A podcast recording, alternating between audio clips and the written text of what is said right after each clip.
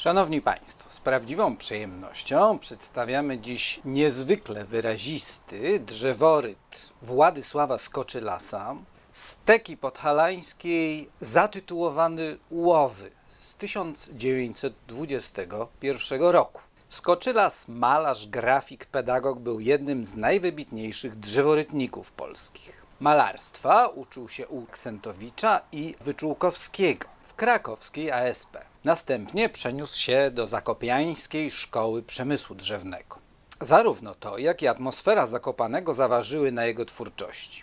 Na Podhalu studiował sztukę regionalną. Zachowało się ponad 140 rysunków ołówkiem i tuszem przedstawiających kościółki, dzwonnice, figury i kapliczki. Jeszcze przed I wojną światową przedstawiał prace będące manifestacją stylu zakopiańskiego. Swe pierwsze drzeworyty, tak rozpoznawalne i charakterystyczne dla skoczy lasa, wykonał w 1913 roku. Tworzył technikę nowoczesnego drzeworytu. Przyniosła mu ona również pierwsze sukcesy. Ze sztuki regionalnej czerpał tematy z życia rozbójników tatrzańskich oraz motywy sakralne, ale także założenia formalne stylizację, uproszczenia, płaskie tło, brak perspektywy, symetryczność układów, zdobnictwo i dekoracyjność. Faktura prac była oszczędna. Na czarnym tle białe linie, żłobienia oraz charakterystyczne zazębianie się czerni z bielą nazywane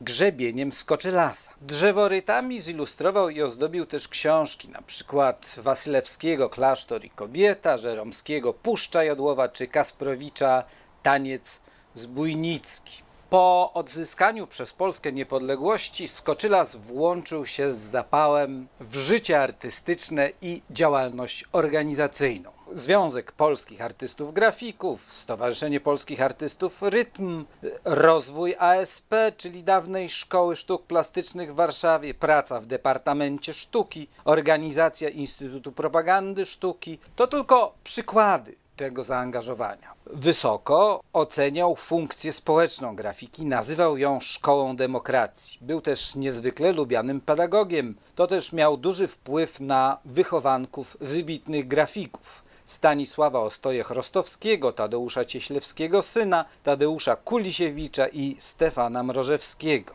A drzeworyt łowy z Koczylasa, który przedstawiamy, stanowi przykład mistrzostwa w pięknej sztuce drzeworytu. Zapraszamy na stronę www.atticus.pl do działów dzieła sztuki, antyki, grafika artystyczna i propozycje na prezent. Zakochaj się w antykwariacie.